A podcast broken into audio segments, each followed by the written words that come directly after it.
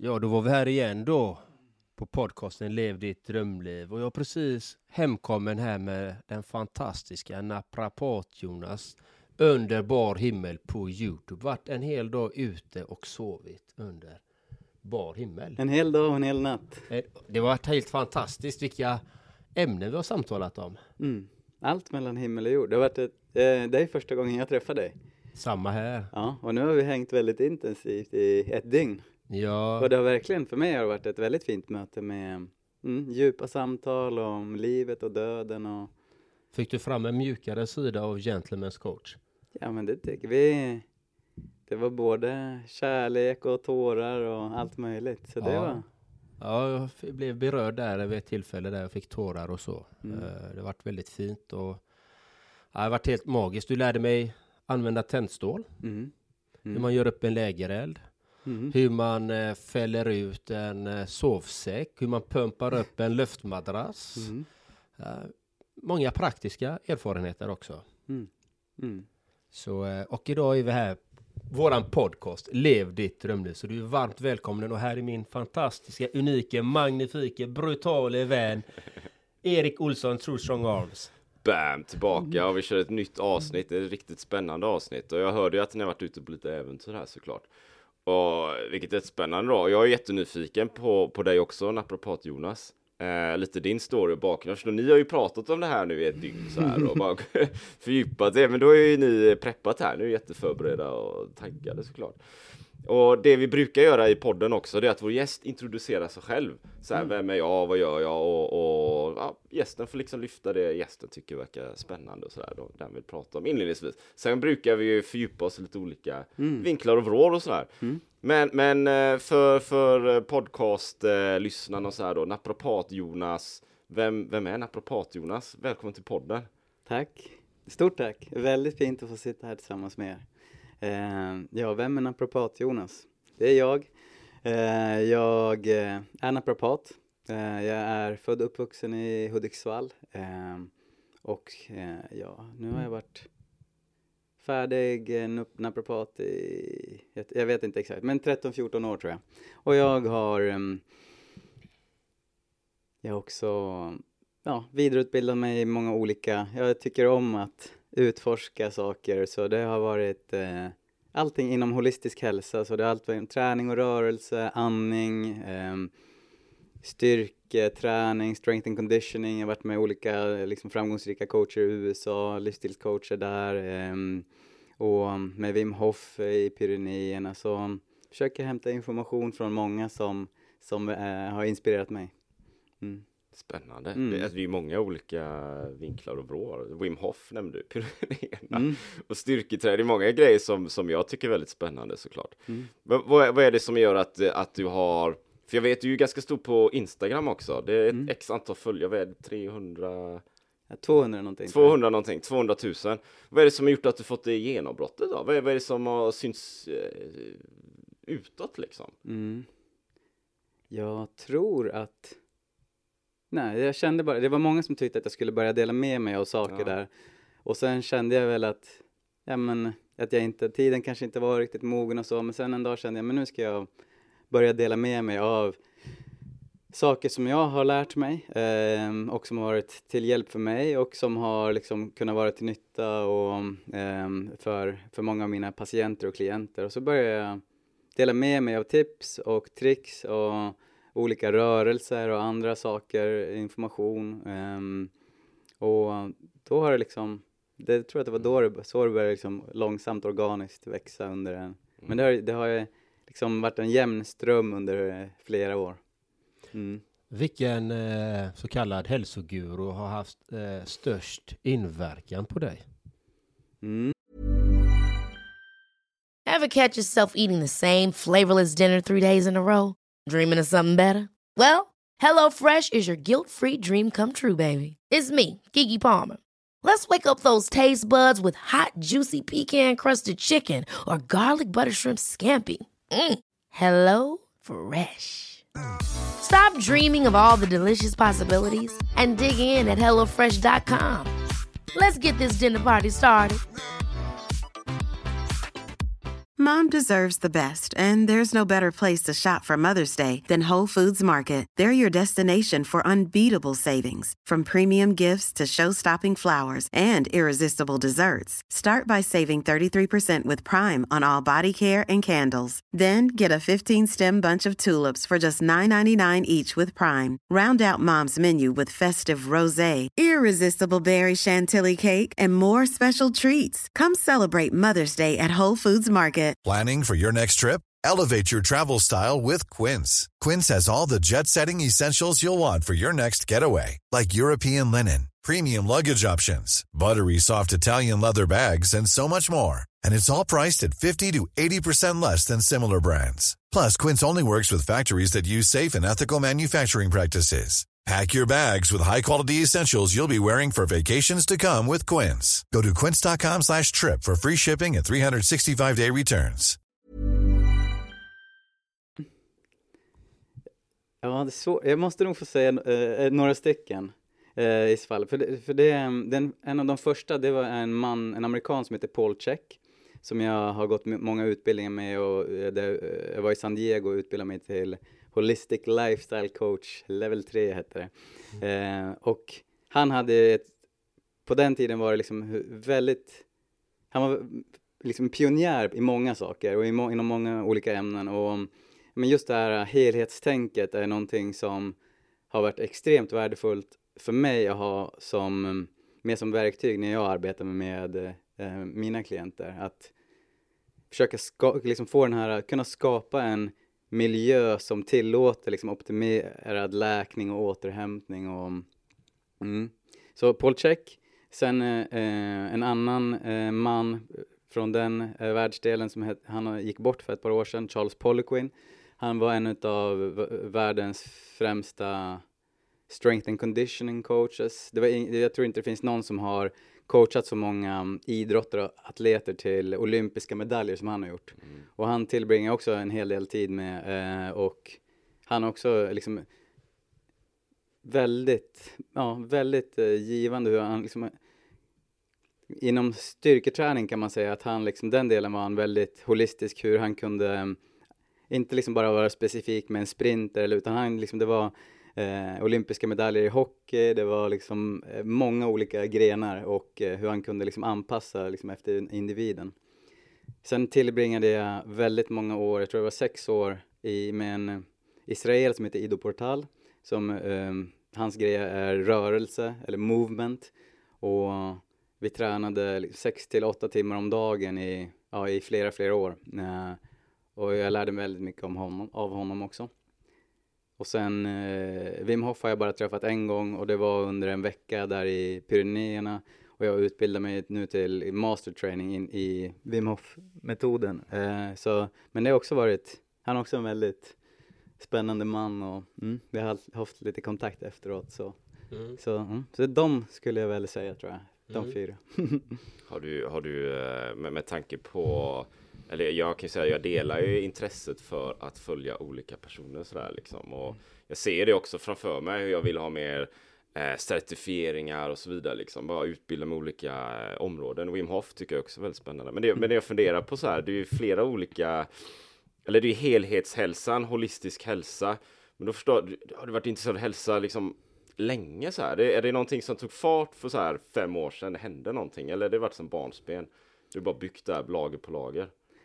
Ja, jag tror att det, intresset började väl komma när jag eh, spelade väldigt mycket fotboll och jag, upp, liksom jag eh, kände att jag gjorde allting som tränarna bad Jag gav alltid allt på träningarna och jag trodde att det var det som skulle liksom, det skulle räcka för att jag skulle bli fotbollsproffs liksom.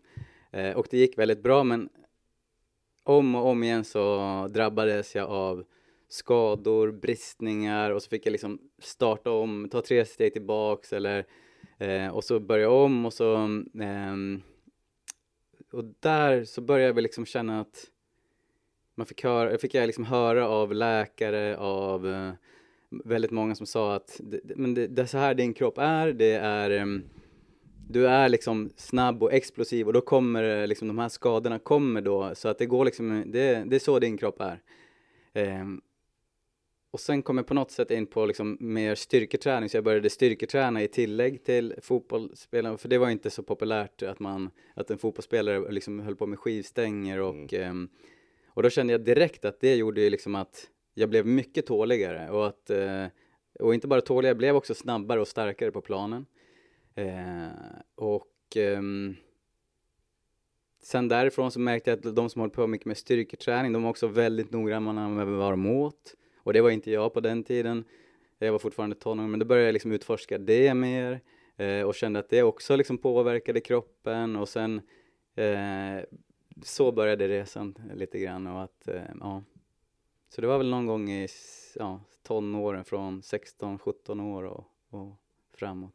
Och det var så jag kom in på naprapatin för att det var en naprapat som hjälpte mig med en, en skada som jag hade haft i flera år som jag hade varit hos jättemånga olika experter och den blev bara sämre och sämre och så fick jag träffa den här naprapaten och han han hjälpte mig på två behandlingar så var jag bra från en skada som jag hade haft i flera år. Okay. Och då, då såddes ett frö där. Vad gjorde han då?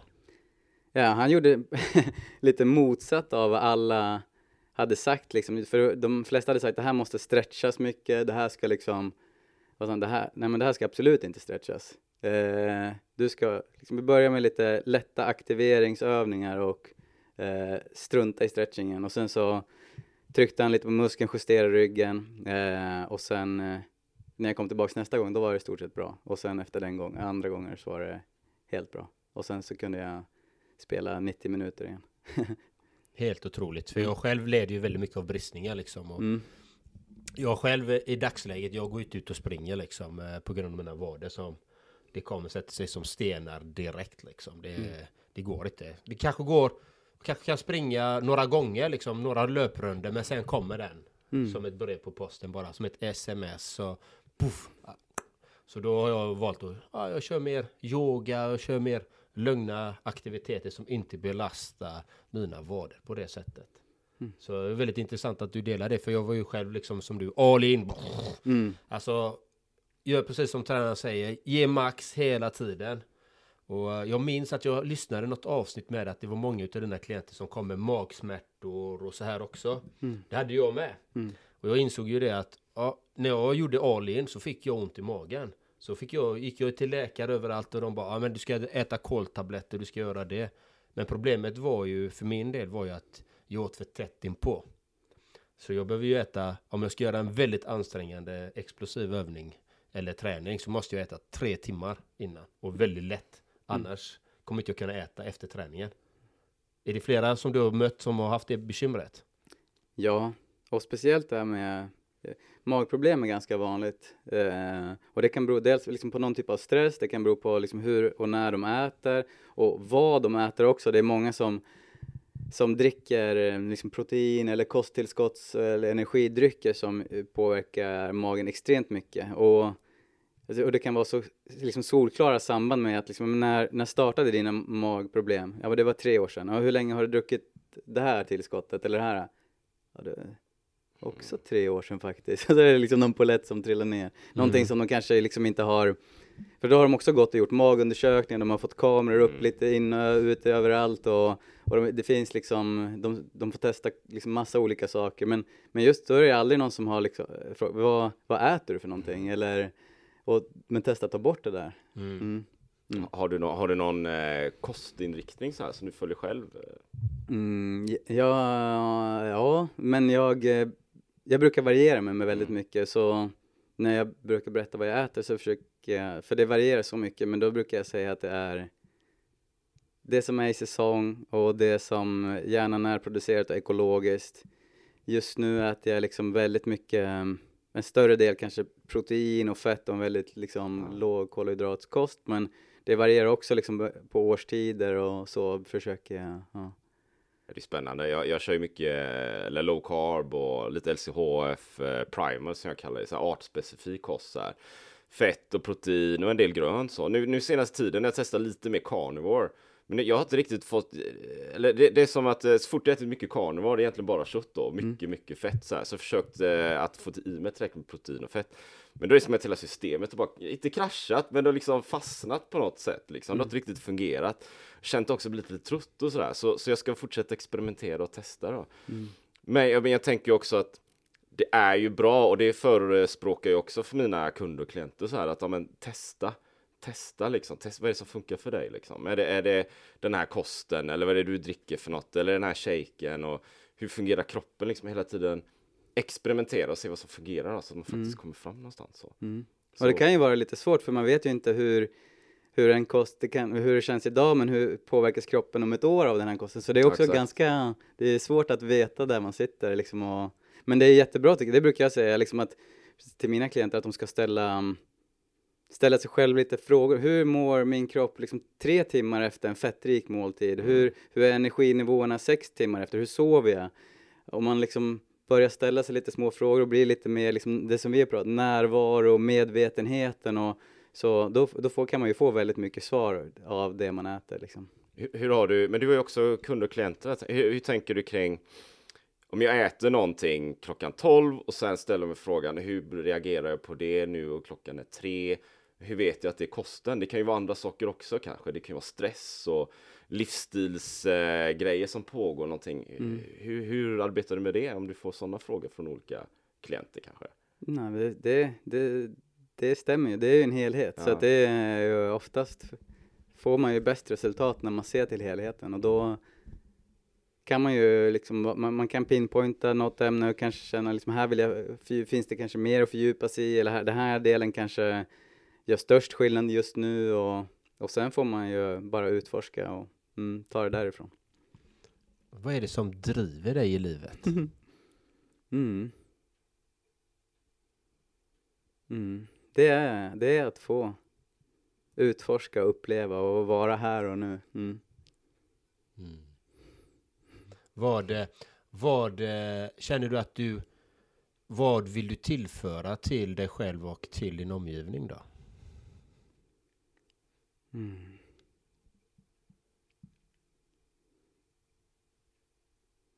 Mm, till mig själv så vill jag tillföra um, liksom kär, kärlek och det som kommer inifrån. Och när jag gör det så känner jag också att då kommer liksom, då är jag modig och jag är stark och sårbar och ja, men jag är allting. Och det, det tror jag är liksom för mig eh, när jag har upplevt hur det är liksom, i, när jag har varit i perioder i livet där jag har liksom behövt hjälp så har det, kan, mm, upplever jag att det kan vara när någon kommer och liksom vill kanske inte pracka på men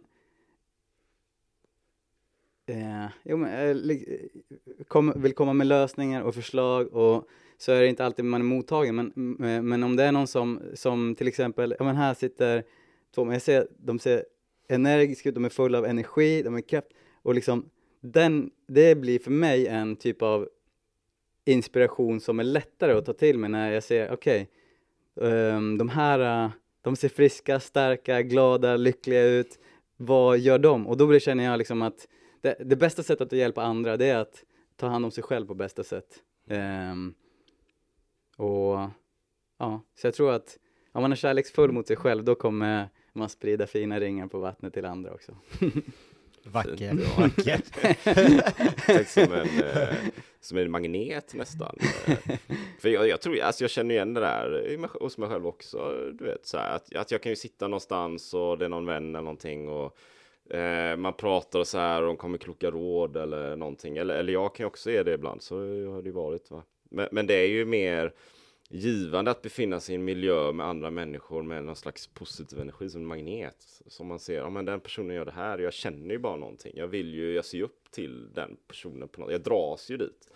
Och då vill jag göra sådana här saker. Snarare än att, ja, men gör så här. Gör det, eh, X, A, Y och Z.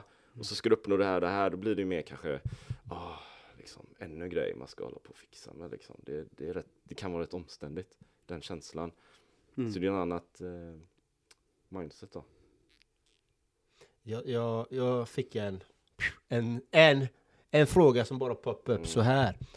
Eh, när du tar hand om klienter till exempel. Eh, för jag förmodar att de ligger säkert på en brits kanske och du eh, trycker lite på triggerpunkter, muskler och knäcker lite i ryggen och så. När du gör det. Gör du medvetet med medveten närvaro att sända in kärlek eller omtanke, ompysslad när du behandlar dem för de här åkommorna?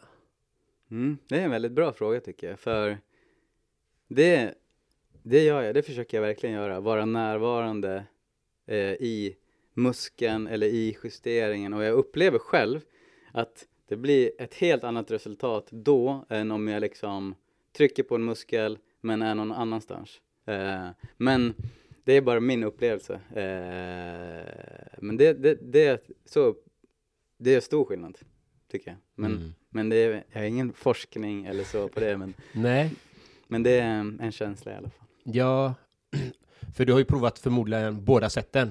Mm, mm, Och du får ju en viss respons av de här människorna, de medmänniskorna, klienter, patienter, vad vi nu kallar dem. Mm. du, du, du, du får ju ett gensvar efter behandlingen.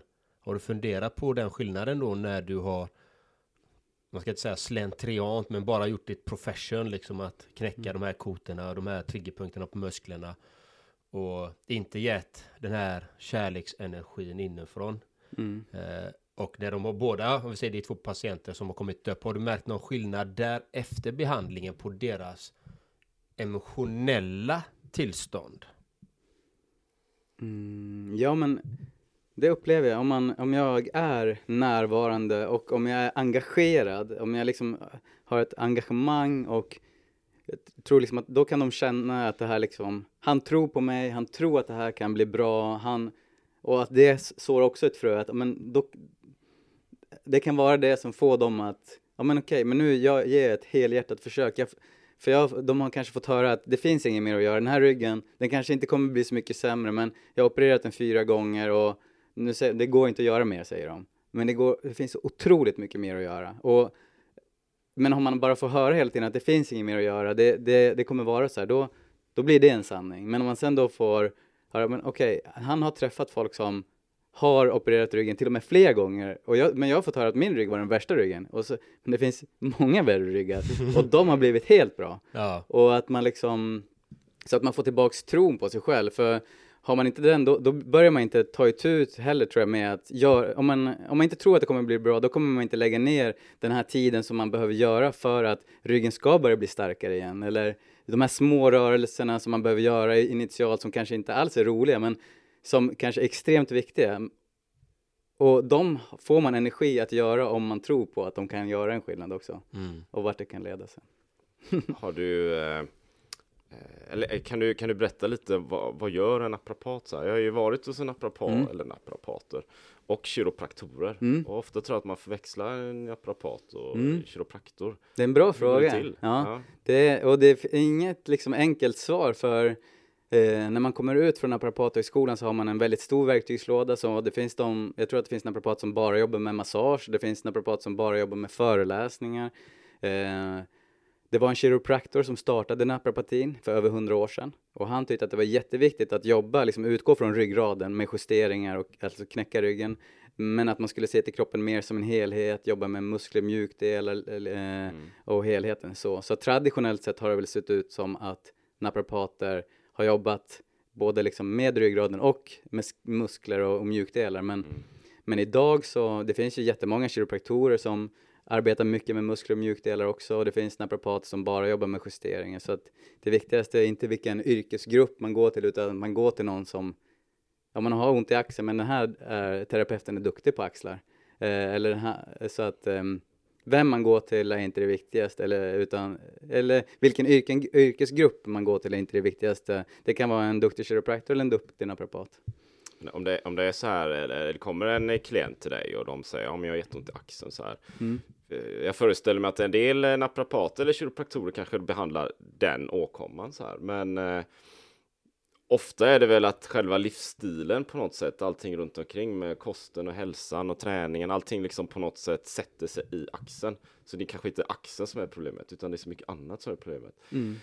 Eh, jag, jag föreställer mig att, eller, eller tittar du på de frågorna också sådär? Eller, eller blir det mer att du, du jobbar med axeln då? Eller du, du tittar på helheten mer förstår jag? Mm. Ja, och, och det kan ju vara någon som kommer till till en som har, ja, men har en axelproblematik och då, då initialt så kanske man kollar på axeln eh, och börjar liksom så något frö om att Mm. eh, andra saker kan påverka och liksom nästa gång de kommer kanske man kan liksom ta ett till kliv in i den där världen. Eh, ibland kan det vara, eh, upplever jag liksom att om man tar det där klivet direkt så, så kan det vara ett liksom för stort kliv och ehm, patienten som sitter där som ont i axeln tycker att liksom att man konstigt om man pratar om stress och att det är liksom den största Ja. boven i dramat när de vet att men jag fick ju ont när jag gjorde en, en bänkpress liksom. Det, det var ju inte med stress. Men, men sen börjar de förstå, okej, jaha, nu axeln är lite bättre och de här övningarna och så bör, kanske man kan få liksom den här förklaringsmodellen hur eh, stress kan liksom påverka hela kroppen negativt och Mm. ja. Mm. Finns det någon sån här, eh, eller du har jobbat med hälsa väldigt länge, finns det någon, eh, vad är det de allra flesta upplever problem med? Är det liksom stress eller är det, är det kosten eller är det andra områden i livet som, som du känner liksom, om det här verkar vara de stora? Vad, patienten Saker upplever Ja. som mest. Jag, tr jag tror att de flesta patienter, där är liksom den Alltså, jag brukar se på kroppen som ett stort system som består av många små system. Och så att mental stress kan vara ett, men sen så kan liksom det vara det kan vara stress från liksom mekanisk stress eller kemisk stress. Eh, och jag tror att den, liksom, den totala stressen, eh, det är den som, eh, Ja. som men, ehm, som blir resultatet. Men, men jag tror att den mentala stressen, den är absolut vanligast hos de klienter, att det är den som är den största boven. Men jag, jag tror inte att för dem är inte det den upplevda jag tror inte det är så lätt för dem att känna att det är stressen som är den största eh, boven. Utan då kanske man tänker att det är ja, men andra yttre faktorer eller eh, och det kan det ju också vara men, men att man ehm, mm, det är inte så lätt. Det är som till exempel folk som sover för lite. Eh, de har väldigt svårt att liksom de ska, i, när man kollar på forskning så ka- skattar de inte liksom de de tycker inte att de sover för lite. Eh, fast när man ser på timmarna så hu- hur det påverkar dem och eh, ant- deras antal sovtimmar. Så det, det, jag tror att det är lite samma med stress där, att det kan vara lite svårt att... Jag tror det är, du vet, jag, jag är lite roligt så här. Jag har ju en åraring, nu har faktiskt inte, nu ska jag ta den på ett par dagar tänker jag. Jag ska vara lite fri från elektroniken så här. Ja. Men den är ju rätt rolig så här, för jag, jag kollar på min åraring. Eh, och Kolla för, för på din. min åraring. Ja, vet, du- vet vad det är? ja, ja, ja. För lyssnarna också då. Eh, det, är, det är en ring som egentligen bara mäter eh, pulsen, vilopuls och aktivitet och sömn och sånt. Och där en ganska lång tid ser jag att min sömn är inte bra, alltså den är inte bra, enligt min åraring. Men jag tycker att den, den känns ju bra liksom. Men den, den visar ju så här dag efter dag efter dag efter dag att det är något fel. Och då tänker jag så här i min stilla fantasi, ja men det är ju något fel på åraringen. Mm. men egentligen så är det ju antagligen inte så. Antagligen. Men jag tror faktiskt just Årring, de är Ja. inte superbra på just sömnen. Nej, nej, det kan ju vara det då, Ja. men det är det jag säger Det var till mig precis själv, vad liksom. jag tänkte säga. Det- Tekniken kanske inte är rätt programmerad. du. Det kan vara så, men det Ja. kan ju också vara så att Ja. det faktiskt är sömnen som är någonting Ja. och jag liksom går runt i min, min verklighet Mm. här och tänker att ja, men jag sover bra och allting funkar och så här, men jag är ju himla trött va och det är ju inte riktigt så bra de här grejerna, att det kanske ändå är sömnen någonstans. Mm. Så det är som en indikation på något annat och lägger Mm. då jag plus där 1 plus 1 plus 1, ja men då kanske den ändå indikerar det då. Mm. Så hur som helst, kontentan då, nu ska jag inte köra åraring ett tag, så ska jag testa och så ska jag sova lite extra och så här, så experimentera. Återigen, testa, experimentera så. Mm. Men poängen då är att jag, jag tror det kan vara ganska vanligt så här, om jag har ont i axeln eller jag har ont i foten eller är någonting och man ser inte stressen. För jag tror att stress är väldigt, väldigt, väldigt vanligt. Va? Och det är mental stress och det är jobb och det är deadline som man ska hinna med att göra saker och man inte är närvarande riktigt. Och sen får man ont i knät. Mm. Och så tänker man att det är knät som är problemet. Mm. Vad har du för tips till de som känner sig stressade då? Mm. Det är... Wim Hof. Andning. Nej men det är att, att bjuda in mer närvaro i sitt liv och det kan vara att eh, det är det mest effektiva eh, sättet att liksom eh, sänka eh, aktiviteten i det sympatiska nervsystemet, alltså fight or flight, Mm. och aktivera det parasympatiska nervsystemet. Och det kan vara att känna på andetaget eller det kan vara att känna hur den här soffan bär upp min kropp. Det kan vara det man ser eller tittar på, smakar, lyssnar, eh, eh, luktar. Så man kan göra sig närvarande med vad som helst annat som är närvarande. Ehm, det, det är, om man, och det är en så himla enkel grej att göra. Men att om och om liksom påminna sig själv om att komma tillbaka Mm. och känna på det som finns här och nu liksom. Mm. Ehm, det, det brukar vara en, eh, en väldigt enkel grej men extremt kraftfull sak som kan skapa en jättestor förändring om man bjuder in den här närvaron flera gånger under dagen och det kan, det kan göra stor skillnad för de som är stressade. Mm. Mm. För det är många som, som lider av ångest och sånt här liksom. Och, Mm. och eh, jag har ju själv klienter till det och så brukar jag alltid säga, ja, men fokusera på det du gör. Om du skär en, en lök, känn hur den känns. Känn lukten, känn hur kniven känns i handen. Mm. Fokusera på det. Mm. Hela tiden när de här hjärnspökena kommer. För det är oftast dåtid eller framtid som, som ligger där och hägrar liksom. Mm. Så jag håller fullt med att man ska återkoppla till eh, nuet, brukar Mm. jag säga, Mm. i det du gör. Mm. Att känna lukten och känna känslan, smaken, Mm. det du ser. Och, men det krävs ju också eh, ett aktivt val. Att Mm. faktiskt bjuda in, som du säger, bjuda in närvaron. Att ja, men nu kommer de här eh, hjärnspökena. Men vill jag ha dem där? Ja, de får vara där, men fokusera på Mm. det som är nu. Och det är ju inte så lätt, alltså i samhället som vi lever i, många liksom man möter och träffar är ju också, de är inte närvarande själva och då, då är det lätt själv att man också förlorar sig i sina tankar i framtiden eller det förflutna. Men att det fina, det är så himla fint med nuet är ju att det alltid finns kvar och väntar på en. Så det är så fantastiskt vackert. Alltså att även fast man själv försvinner iväg så har man alltid, kan man alltid komma tillbaka till Ja, och det är lite liksom Eckart Tolle säger ju också precis som du säger. Om du har du läst någonting om Ja, Eckart ja, Tolle? ja, ja, ja. Mm, Ja, jag han- såg att du har en bok här bak. Jag lev livet fullt ut. Jag tycker han är jätte, jättebra för han, Mm. han pratar ju mycket om närvaro liksom att eh, ja, du kan ju titta på en blomma. Titta på den. Observera den. Sätt ingen label, ingen etikett på det utan bara se den som den är. Mm. Till exempel eller det kan vara ett glas vatten. Titta på vattnet, glaset och Mm. fokusera på det. Mm. Bli ett med det liksom. Mm. det är vackert. Men det är inte så lätt om man, eh, om man inte riktigt, det, jag tror att det kan vara väldigt svårt att ta in för Mm. någon som inte, då, då kan det låta väldigt flummigt när man pratar om sådana här saker. Absolut. Det, jag kan säga personligen, det där var hömflum för mig förr. Ja. Det var ju, eh, jag var ju prestationsinriktad, målinriktad, liksom att jag ska göra de här grejerna. Det var ju bara resultat som gällde i olika avseenden. Det var ju bara det att gå på det här hela tiden. Höga tempot, det ska avverkas. Mm. Det finns ingen, fanns ingen möjlighet för mig, säger jag nu, liksom att se det. Att ta den tiden. För jag, hade, jag lyssnade inte ens på den informationen. Man, jag var inte mottaglig för det. Och det är det som är så bra när man söker hjälp. Som till exempel till dig, till, till Erik eller till mig eller till någon annan. Som har de kompetenserna att... Och när man hör det om och om igen. Och förstår att man är stressad till slut. Ja men jag är ju stressad. Och man hör det från dig, från Erik, från mig eller från andra. Det sår ju ett frö. Och varje person som gör det vattnar ju det här fröet varje gång den personen hör det. Så förhoppningsvis så börjar det blomma inom dem så att de väl stannar upp. Det är lite så som jag ser på det. Bara en reflektion över det hela där. Ja, jag hade två tankar som jag satt och funderade på medan du berättade det här Andreas, eh, som, som hänger ihop med det här. Och det, det är vi ju så ofta resultatinriktade i samhället. Så här. Eh, ett exempel på det är om man ska springa Göteborgsvarvet, eller man ska springa 10 kilometer, eller man ska springa ett lopp och så här.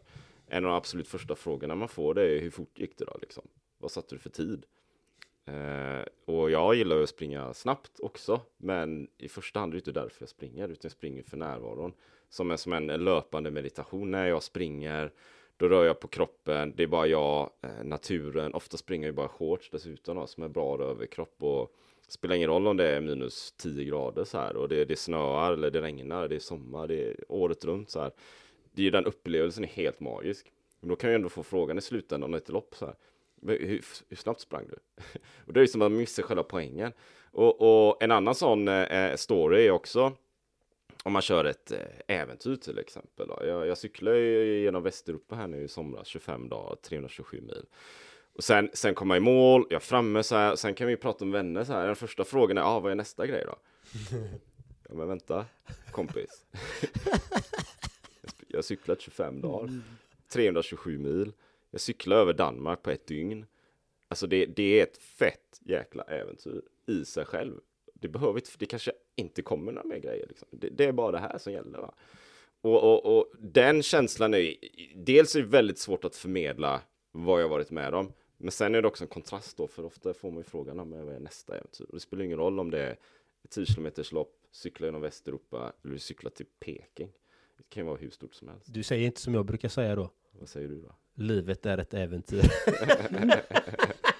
mm.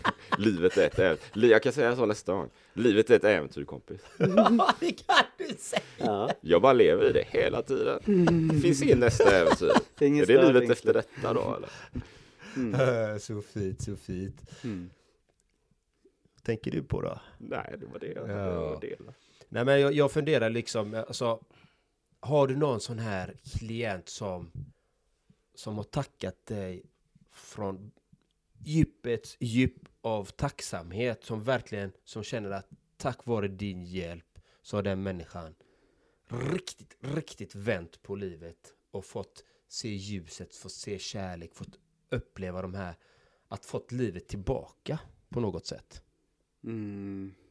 Ja, det är väldigt många. Jag har jobbat i flera år nu eh, och så det har ju Eh, mm, jag, jag, kan få meddelanden från patienter som jag hade för 10 år sedan och 12 år sedan när jag jobbade, 13 år sedan när jag jobbade i Norge och, och fortfarande liksom få, och det kan ju vara för, för en en person som skadar axeln och som är hantverkare så kan ju det vara hela livet. För det är levebrödet så han eller hon försörjer sin familj så att liksom då att få axeln hel igen det är för den personen att få livet tillbaka eh, och sen ja, men, jag fick ett meddelande av en kvinna eh, som som skrev och tackade mig att eh, hon hade bytt jobb och lämnat sin man och eh, livet, ja, nu var hon på en helt annan plats i livet och alla, alla krämpor hade försvunnit som hon hade liksom dragits med i över 20 år. Men, och, och jag, jag är ganska säker på att jag inte har sagt åt henne att hon ska byta jobb eller lämna sin man. Men, men det, det jag hoppas och tror att jag har sagt är liksom att, att, jag menar att hon ska lyssna på sin inre röst och känna vad som gör vad hon behöver mer av i sitt liv och vad hon behöver mindre av och liksom sätta ner foten och sätta gränser liksom för att eh, som det är just nu låter det som att det inte fungerar liksom med det här och, och att hon har tagit de här besluten själv. Eh, eh, och ja, så att ja, jag har många, många sådana och det är väldigt fint att höra. mm, mm. Mm.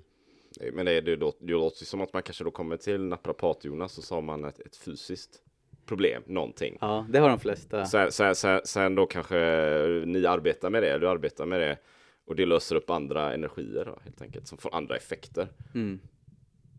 Det kanske inte så man ofta tänker. Jag ska gå till naprapaten. Mm. jag har inte Sen några år senare bara, ah, men jag har bytt hela karriären allting. ja. Fan det hände liksom, det är sjukt. Ja men det är som hos hårfrisörerna, de får ju höra det ena och det andra liksom. Mm. Och de de har nog en terapistol där mer eller mindre många hårfrisörer. Ja, de är också skillnad många av dem. Ja, och, och det är väl det här också, det här mänskliga mötet, att faktiskt mötas som människor. Mm. Att där någonstans sker det, kan det ske en förändring mm. i varandra på något sätt. Hur ser du på det då? Ja, jag tror att det är en grej som till exempel, nu vet jag inte hur alla naprapater jobbar, men naprapater, jag och de naprapater jag jobbar tillsammans med, då har vi kanske en patient framför oss som har varit hos en läkare eller flera och gjort den här vårdsvängen. Och då träffar man en läkare som knappt har tid att lyssna eller liksom mm. kolla eller undersöka och liksom man skickas fram och tillbaka och sen så sitter de helt plötsligt hos någon som lyssnar på hela historien, som undersöker ordentligt och som liksom engagerar sig i problemet och, och, och bara det att bli liksom ja men sedd och lyssnad till det tror jag också gör jättestor skillnad. Mm. Mm. Jag, jag, tänker också på, eller, eller faktiskt så här, eh, det hänger ihop allting, det hänger ihop med närvaro här. Men kan, kan du inte berätta lite också om, mm. jag vet att ni var ute och hajkade, eller hajka, ni kanske inte hajka mm. så mycket, men, men ni, ni, ni sov ju bar, under bar himmel mm. och så. Var, kommer det ifrån Jonas? Eh, så här, för, jag, för jag ställde den frågan innan så här, är, är det någonting du gör ofta eller mm. händer det så här? för jag, det kanske hänger ihop med närvaro och nuvaro och naturen och så här och jag tänker att det hänger ihop med mycket annat att göra. Jag har mm. sett en del klipp på Insta också med kallbad. Mm. Såg vi något så här klipp du var under isen så här. Det var tunn is så du var ner under isen så kläckte du upp isen och så var du liksom eh, mm. vid ytan igen då. Mm. Men det var ju till naturintresse då. Det är kanske dit jag vill komma. Mm. Berätta lite om det. Mm. Mm. Ja, men det började. Jag har alltid tyckt om att vara ute i naturen men sen en stor del av mitt liv så har jag, jag har bott inne i stan eh, och eh, så har jag känt att jag bara liksom haft, att naturen har kallat på mig och att det är liksom det där som jag känt in, inne har liksom bara vuxit större och större och sen har jag, och då har jag börjat tillbringa mycket mer tid ute i skog och natur och eh, ja, men sover under bar himmel eh, gör jag minst en gång om månaden och det har jag gjort nu i några år. Eh, eh, utan tält eller så, utan bara ta med en sovsäck och, och sover. Eh, och det spelar ingen roll om det är snö och minus 28 grader eller om det är mitt på sommaren. Men, men för mig så har naturen det som, är, det som är så himla fint med naturen, det är eh, när jag kollar liksom på ett ett träd som ser ut på det här sättet och sen kollar jag på ett annat träd som är liksom krokigt och böjt och något träd som är liksom bryt. Eh, jag tycker alla träden är lika vackra. Och, så det spelar ingen roll hur man ser ut eller hur man är och, och det där liksom, naturen är naturen. Have catch yourself eating the same flavorless dinner three days in a row?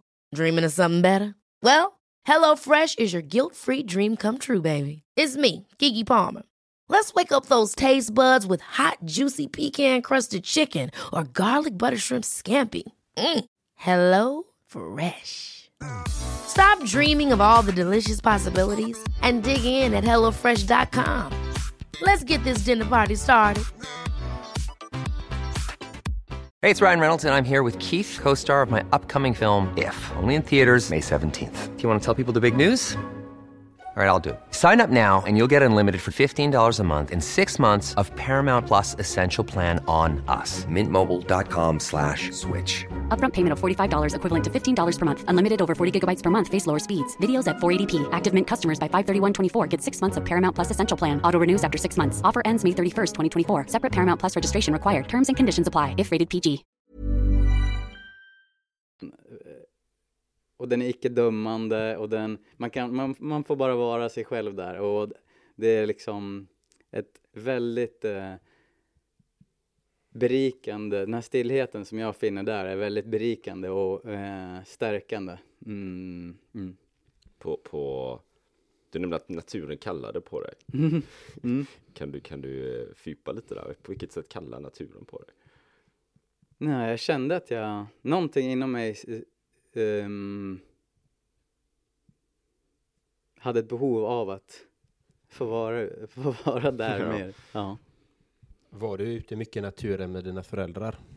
Eh, men min, min mamma hon var, hon, hon var väldigt eh, bra på att ta med oss ut på skogen, vi kunde äta frukost där eller ut och plocka svamp och bär och fjällvandrade och så hon var, hon har varit en väldigt fin, det var många fina stunder som, mm. Mm. Och vad betyder din mamma för dig idag? väldigt mycket, ja. Hon har varit en, hon har varit en stöttepelare hela livet. Mm. ja, ja, jag går tillbaka till eh, minus 28 grader. Nu sa minus 28 där va? Mm. Men du har aldrig tält eller? Du, du kör alltid i... Eh, eller ibland har jag tält också, ja. men, men eh, minst en natt om år, eh, i månaden så sover jag utan tält under bar himmel. Ja. Men om det, men du har tarp eller? Eller om det regnar och snöar eller? Eh, ja, tarp sätter jag upp ibland, eller så sover jag under en gran eller ja. Men eh, ofta så går det också, jag, jag eh, väljer inte kanske den, de liksom dagarna när det är som värst nederbörd om jag ska sova Nej. under bar himmel. Eh, utan då, då, då tar jag med tältet om, det, om jag vet att det kommer ös, regna. Och du har en riktigt fett bra sovsäck tänker jag eller? Ja. Brutal, magnifik, fantastisk. Man kan ligga naken i dem och håller värme. Ja, de är varma. Jag har, jag, har faktiskt, jag har faktiskt samlat på mig ett gäng olika. Så jag har eh, dels de som vi sover i nu, eh, jag, John och Andreas, de klarar ju minus 40 så du kan Ja. ju sova med dem. Eh, ja, jag tror du liksom, mycket kallare än så blir det väl inte någonstans. Eh, så de klarar man sig eh, liksom på vintern. Eh, sen har jag andra vintersäckar som klarar liksom ehm, minus 15, minus 18 tror jag. Och de klarar man sig också jättebra på. De är ju hälften så stora.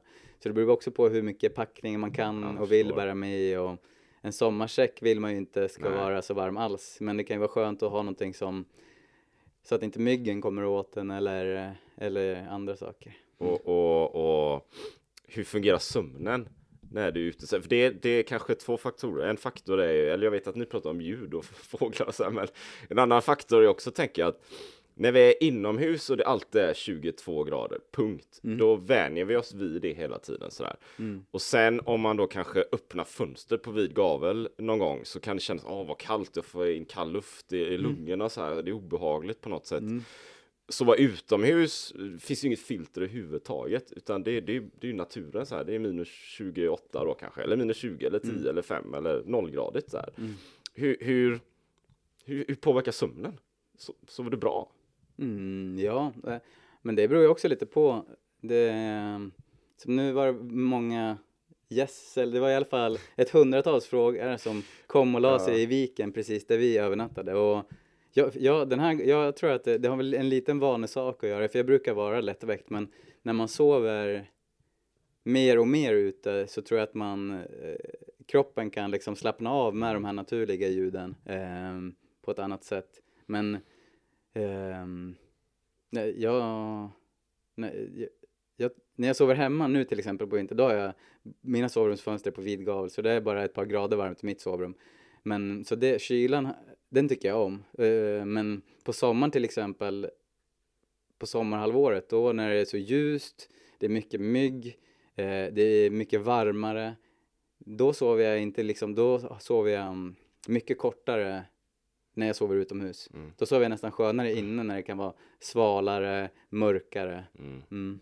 Märker du någonting i din energi eh, när det blir mörkare tider med årstiderna? Blir du piggare när det är vår och sommar?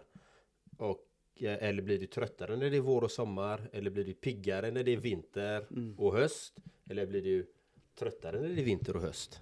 Har du noterat dem? Eh? Ja, ja, ja, det har jag. Och jag känner liksom ett mycket större sömnbehov när det är mörkare och vinter. Och jag har mycket mer energi, inte mycket mer energi, men jag har i alla fall ett mindre sömnbehov på sommaren. Mm. Mm. Mm. Ja, Intressant. Jag, jag upplever likadant och därför jag ställde frågan. För jag har noterat det nu när det har varit så mörkt. Bara, jag är ju ganska morgonpigg och så här liksom. Bara. Mm. 3.30 klev du upp igår. Ja, och det gjorde jag. Jag, var, jag sov ju väldigt eh, så här eh, i natt också. Bland alla gässen där som bara kacklade och ja, det, var, det var speciellt. Så Ja. jag, jag har inte sovit så mycket i natt heller. Men, men jag noterar ju det när det blir mörkare hos mig blir jag ju också. Då vill jag, då vill jag gå ner. Går ju hela min mitt eh, system ner. Det bara Då vill jag ta det väldigt lugnt. Och jag, och, jag, och jag upplever för mig att det är som en återhämtningsperiod när det är vinter och höst. Att det är som myrorna till exempel. De, de lagrar, eh, de går, i, går ner i det, de har stackat upp det, de har jobbat hårt hela sommaren och våren och hösten för att ha sitt matförråd och allt detta. Sen går de i det, precis som björnarna. Och tänker att vi är ju ett med naturen, att det är nog så vi fungerar också. Jag upplever det så. Mm, det, tr- det tror jag på. Det, det, ehm, så upplever jag det i min kropp att det, det är en liten viloperiod. Det är Ja. nog, det är nog eh, Eller det, det jag håller absolut med. Jag, jag känner också det. Eh, det är vinter, det är mörkt och jag sover mer nu så här. Jag börjar eh, gå upp vid, vid sju, åtta någon gång. Du vet. Idag gick jag upp rätt sent så här bara. Shit, vad jag sover va. Men, men jag tror att det kan ju vara lite lurigt ibland om man inte riktigt eh, är närvarande i sig själv och ser det. För då tänker man, ja men det är fortfarande i mitt huvud sommar och jag ska gå upp klockan 05.00 i alla fall. Och sen är man jättetrött ändå och så kör Mm. man på som vanligt. Det vill säga man lever inte i symbios med naturen, med säsongen. Och då kan man nog köra på, köra eh, ut sig, ut sig ganska ordentligt. Då. Mm, som du la Aurora-ringen rätt ner i skrivbordslådan bara. Och det, fan Den visar fel! Den Det är visar något fel på den här jävla ringen. Och sen, sen tror jag så här, måste jag säga Jonas, du vet att jag, jag tror vi har ju, vi, vi är ju biologiska varelser eller så här, va? Vi har ju som en urkraft, så här. jag pratar mycket om urkraften och upptäcka sin urkraft så här, att vad man är kapabel till och sin potential och vi, vi, vi, vi kan ju klara av så himla mycket och så fastnar vi i mindset så här där man tänker om men det är bara det här nu och jag har en deadline och det är jobb och så här, men det finns fantastiskt mycket mer. Och få bryta loss det locket där och tro att det är skitbra så här och ge sig ut i naturen. Bara sova i bar himmel så här, ja men en tarp eller tält eller en sovsäck, skit i det. Bara ge mig sig ut och sova så här i naturen. Och öppna på vid gavel fönstret. Jag har också gjort det i perioder. Jag ska börja med det igen tror jag. Uppe vid gavel så här, man går in i mitt sovrum så är det 10 grader. det är svinkallt du vet. Bara, men jag sover bra alltså. Det är skit. Det var kul för jag träffade, jag träffade eh, eh, han i föreningen där jag bor som har hand om, eh, ja om det uppstår fel och så, Mm. då sa han, ja vi, vi ber om ursäkt, vi håller på att fixa det här med, med värmen i lägenheten. Det, det, jag, bara, jag visste inte ens att det har varit fel, jag har alltid avslagit ändå.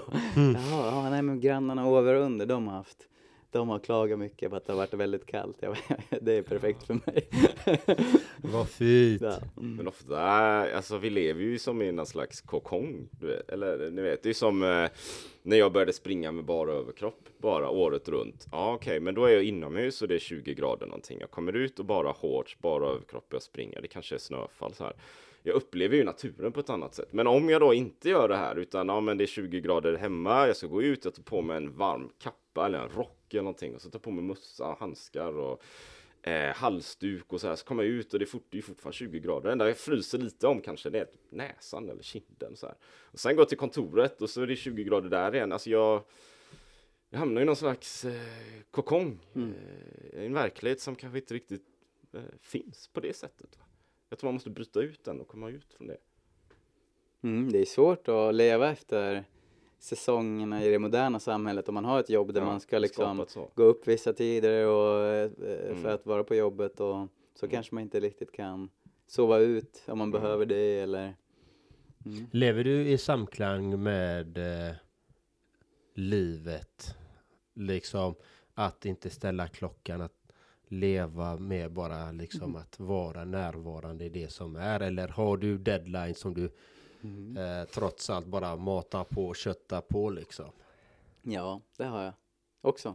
Så um, absolut, jag har ju väldigt många deadlines och eh, ja, patienter, möten. Eh, så att eh, mitt, mitt liv också, jag har ett jobb som jag måste göra. Men sen så har jag också en frihet i det. Jag kan ju själv välja hur och när jag ska. Så att jag tar också, försöker liksom att ha Ja, jag, eh, ja men att slipper jag ställa klockan så gör jag, gör jag gärna det liksom och om jag kan.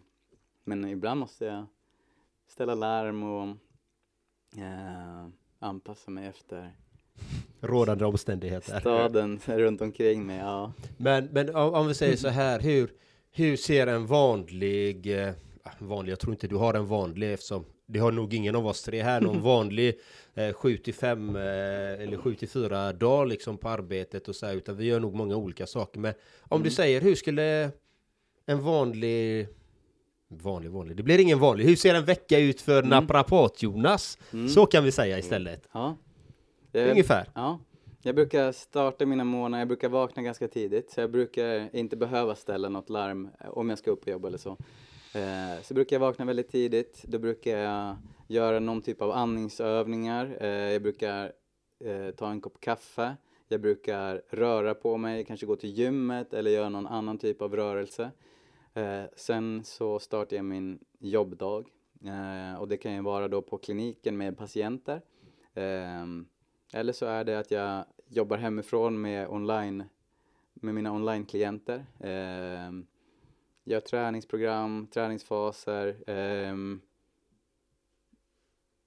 har kanske, ehm, nu är det ju mycket online-föreläsningar så jag kanske har något, eh, en föreläsning för något företag framför en kamera. Eh, och sen om jag har möjlighet så slutar jag gärna arbetsdagen liksom lite tidigare och då kanske ja, planerar lite eller förbereder lite eh, för saker för kommande, veck eller kommande dagar i veckan. Eh, gärna ett typ av träningspass till. Eh, och sen lagar jag mat, går och handlar.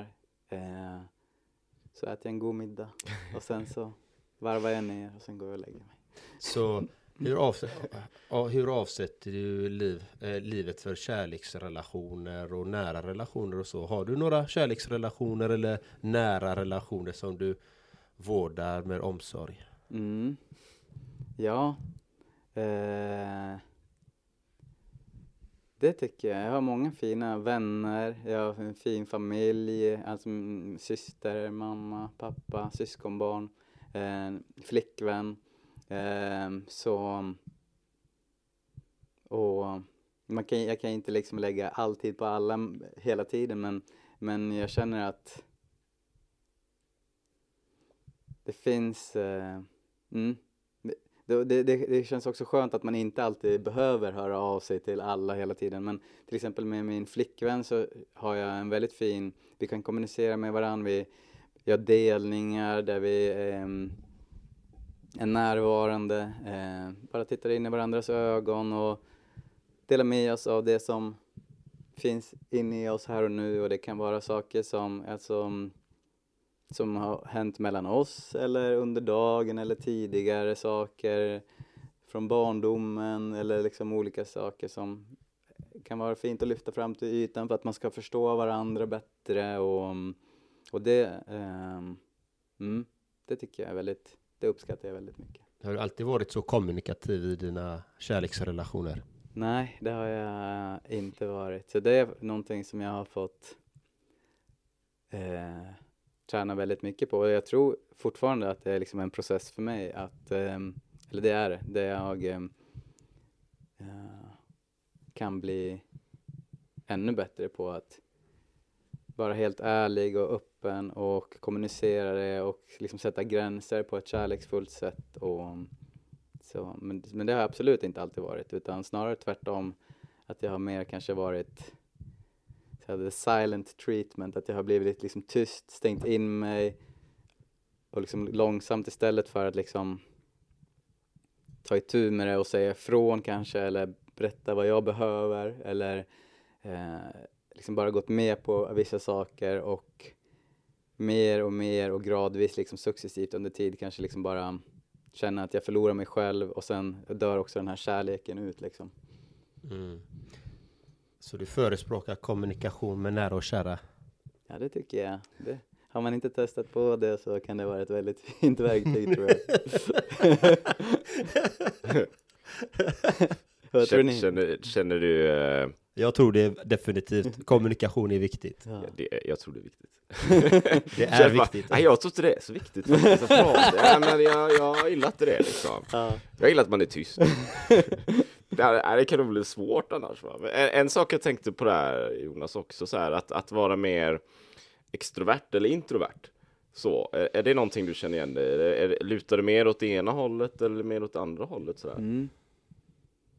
Mm, jag tror att jag är mer introvert. Jag trivs väldigt bra att vara ensam och sen så har jag också perioder när jag känner att ja men gå ut och dansa eller träffa vänner och ha liv och så också. Eh, fart och fläkt och, men jag tror att jag, om man ska sätta en stämpel, då tror jag att det är mer extrovert, introvert. Alltså att jag, att jag är mindre extrovert. Men det är också liksom lite precis som årstiden. Det är liksom Mm. inte, för mig är det inte någonting konstant sådär, utan jag har lite behov av både och och ibland lite mer av det ena och lite mer av det andra. Men speciellt liksom när jag har en stor arbetsbelastning till exempel, eller det händer mycket i livet, min mamma har varit eh, sjuk och då känner jag, då, då kanske jag blir mer introvert. Min kropp tror jag behöver då liksom den tala om för mig att nu behöver du liksom lite mer lugn och ro och återhämtning här emellan saker och ting. Vad, nu kommer det en ganska djup, djup, Mm. Djup fråga. djup fråga här nu. fråga. Är ni redo lyssnarna? Är ni Är redo? ni redo? Är ni redo? Den är djup alltså. Eh, har du varit med om någon riktigt omvälvande, djup, emotionell, mental smärta som du har lyckats bearbeta på något vis? Mm. Och vad var det i sådant fall? Ja. Nej men, ehm, jag tänker på flera saker, men en av dem som, som en emotionell smärta, det var när jag, eh, när jag växte upp så var min upplevelse att, att min pappa inte brydde sig om mig och jag ville så gärna liksom få hans uppmärksamhet, bekräftelse, få hans kärlek, att han skulle liksom vilja liksom vakna upp på morgonen och säga ska vi hitta på något kul ihop eller ska vi gå och göra det här eller ska inte du och jag bara åka på ett, eh, det här grejen eller kom så går vi och spelar fotboll eller vad som helst. Um, och jag ville så jättegärna ha den där um, um, ha den där bekräftelsen och kärleken från honom. Uh, och jag upplevde det att min upplevelse som, som barn var att jag inte fick det och det gjorde väldigt ont. Och mm, mm, skapade liksom en stor inre stress eh, och mycket oro och mm. Och hur, hur kom du fram till det? Att, eh, hur bearbetade du det? Jag tror att i, i början så var det på ett undermedvetet plan så bearbetade jag det genom att söka bekräftelse på annat håll och liksom blev kanske högpresterande för att um, ja, få liksom uppmärksamhet från tränare eller um, vänner, kompisgäng eller ja. Um, och sen har jag väl Ja, det har, jag tror att det har varit en del liksom av meditation och när jag har varit på retreats där man har liksom gjort en djupdykning i mm, sig själv och de här pålagringarna som du kallar det. När man liksom börjar gå ner i liksom lager för lager. Vad är det här för saker som är återkommande och varför ehm, har jag sådana här mönster och varför är det här en trigger och var, varför och så ja, då har jag, för, min, för mig var det liksom, en del av det var den här um, relationen till min pappa eh, och min upplevelse där och då. Hur är din relation med din fantastiska pappa idag då? Ja, han bor i USA så vi, eh, vi ses väldigt sällan och ännu mindre nu eh, under corona men eh, vi hörs lite då och då eh, och eh, ja skulle Ja. inte säga att eh, vi har en fantastisk relation eh, för att vi, vi hörs eh, väldigt sällan men ehm, jag känner ändå en, en kärlek från honom som jag inte har känt tidigare. Har han visat och sagt att han älskar dig? Eh, ja, det har han, det har han sagt. Och, vi- ja. och han visar det på sitt sätt också. Åh, vad fint. Mm.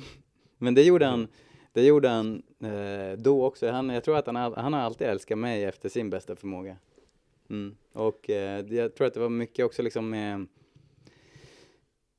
ja, men min uppfattning av hur en förväntningar på hur en pappa ska vara. Jag såg liksom när jag var hos mina vänner så sa jag, ja de här papporna jag ser så här och så att det var mycket liksom förväntningar och det var mm, och eh, ja, jag eh, ja, jag vet att det är inte alltid lätt att vara en förälder, en mamma eller pappa. Man kanske är i ett förhållande man inte trivs bra i, man kanske är på ett jobb man inte trivs bra på, man kanske gör sitt allra bästa för att familjen ska hålla ihop eller ekonomin ska gå runt och eh, man kanske liksom har det, de man kanske, kanske förlorar sig själv lite grann i andra värderingar eller det kanske är det viktigaste där och då att liksom barnen ska få mat och sen så finns det ingen energi kvar att hitta på Mm. andra saker eller ehm, eh, och ja, så jag tror att alla personer älskar, älskar efter sin bästa förmåga och eh, ja, där man är.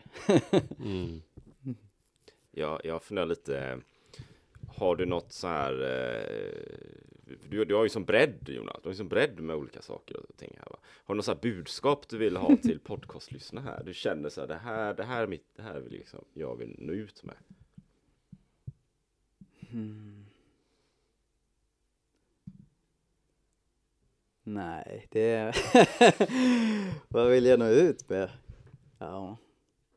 Nej men att det, ehm, det är väl bara att man följer sitt hjärtas inre röst och, och tar hand om sig själv och är snäll mot sig själv och eh, ja, bara utforskar livet och upplever det som kommer. Ja, man får leva sitt liv precis som man vill. mm. Det tycker jag var jättebra.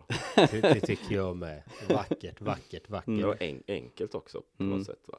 Det är ju så. Mm. Mm. Ska vi ta den sista frågan? Vi har den sista världsklassfrågan. Den är, Ah. den är vansinnigt viktig. Eh, Ja. Väldigt eh, djup på sitt sätt. Mycket djup på Mycket sitt djup sätt, faktiskt. beroende på hur man tar den. Ehm, Ja, ska du eller jag ställa den? Vill du ställa den? Jag älskar när du ställer Ska den frågan, ställa för den du har så vacker nu har ni röst. byggt upp förväntningar på den här frågan. Ja, men vänta bara, herregud. Det här Naprapat Jonas. Ja. Det här är ju podden Lev ditt drömliv. Så frågan är ju, lever du ditt drömliv? Mm. Fin fråga. Mm. Det tycker jag. Jag ehm, skulle inte vilja vara någon annanstans. Eh, och jag gör... Jag, jag upplever saker som ja, stora och små. Stora äventyr och jag eh, ligger i min säng och känner på mitt andetag och det...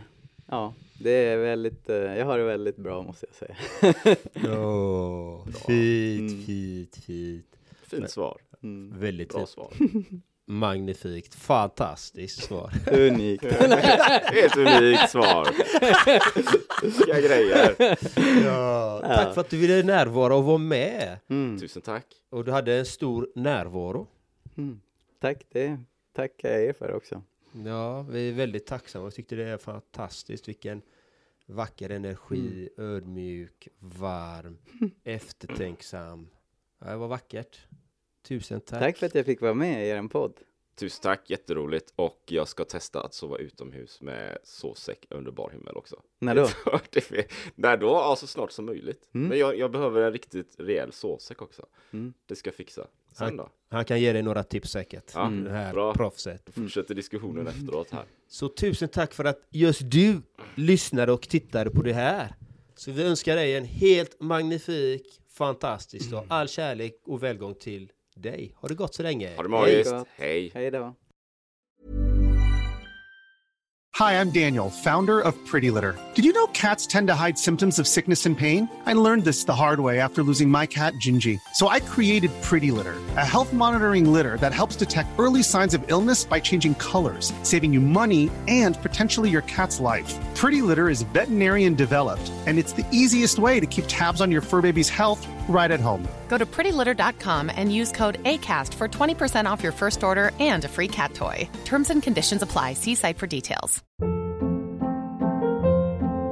Hold up. What was that? Boring. No flavor. That was as bad as those leftovers you ate all week. Kiki Palmer here, and it's time to say hello to something fresh and guilt-free. Hello Fresh. Jazz up dinner with pecan-crusted chicken or garlic butter shrimp scampi. Now that's music to my mouth. Hello Fresh. Let's get this dinner party started. Discover all the delicious possibilities at hellofresh.com.